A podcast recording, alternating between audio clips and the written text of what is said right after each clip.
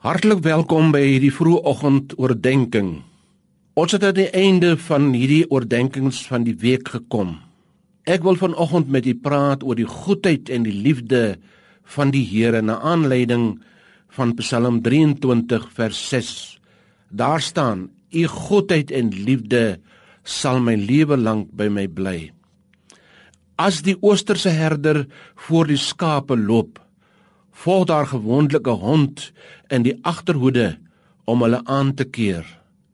Dawid getuig dat die goeie herder voor ons loop, maar daar is twee waghonde, goedheid en liefde wat op ons spore volg. Dikwels begaan ons onverantwoordelike flaters. Ons veroorsaak onnodige pyn en laat sekere werk ongedaan of halfgedaan dan kom God met sy goedheid en liefde agter ons aan om die sake te herstel. Daar is 'n verhaal van 'n bekende kunstenaar by wie 'n ou vader ook 'n pottebakker kom inwoon het. Sy pa het sy daar deurgedring bring met die maak van klein modelle. Hulle was nie wonderlik nie. Maar in die nag as die vader rus, het die seun die blombak of erdepot met sy kunstenaars hande aangeraak. Die harde lyne het hy sagter gemaak en die modelle omskep in iets moois. As die ou man in die môre na sy modelle kyk, was sy hart baie bly. Al het hy nooit die geheim geken van sy seun wat in die nag opgestaan het en aan sy kunswerke gewerk het nie.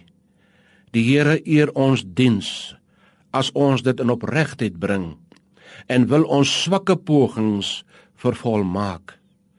Wat laat u agter op u lewenspad? Dit laat my dink aan 'n padingenieur wat 'n nuwe pad maak. Hy het baie moeilikheid om kromdraaie reguit te maak en om rotsblokke weg te skiet.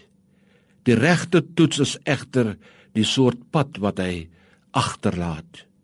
Christus het op sy pad vervolging bespotting en haat verduur.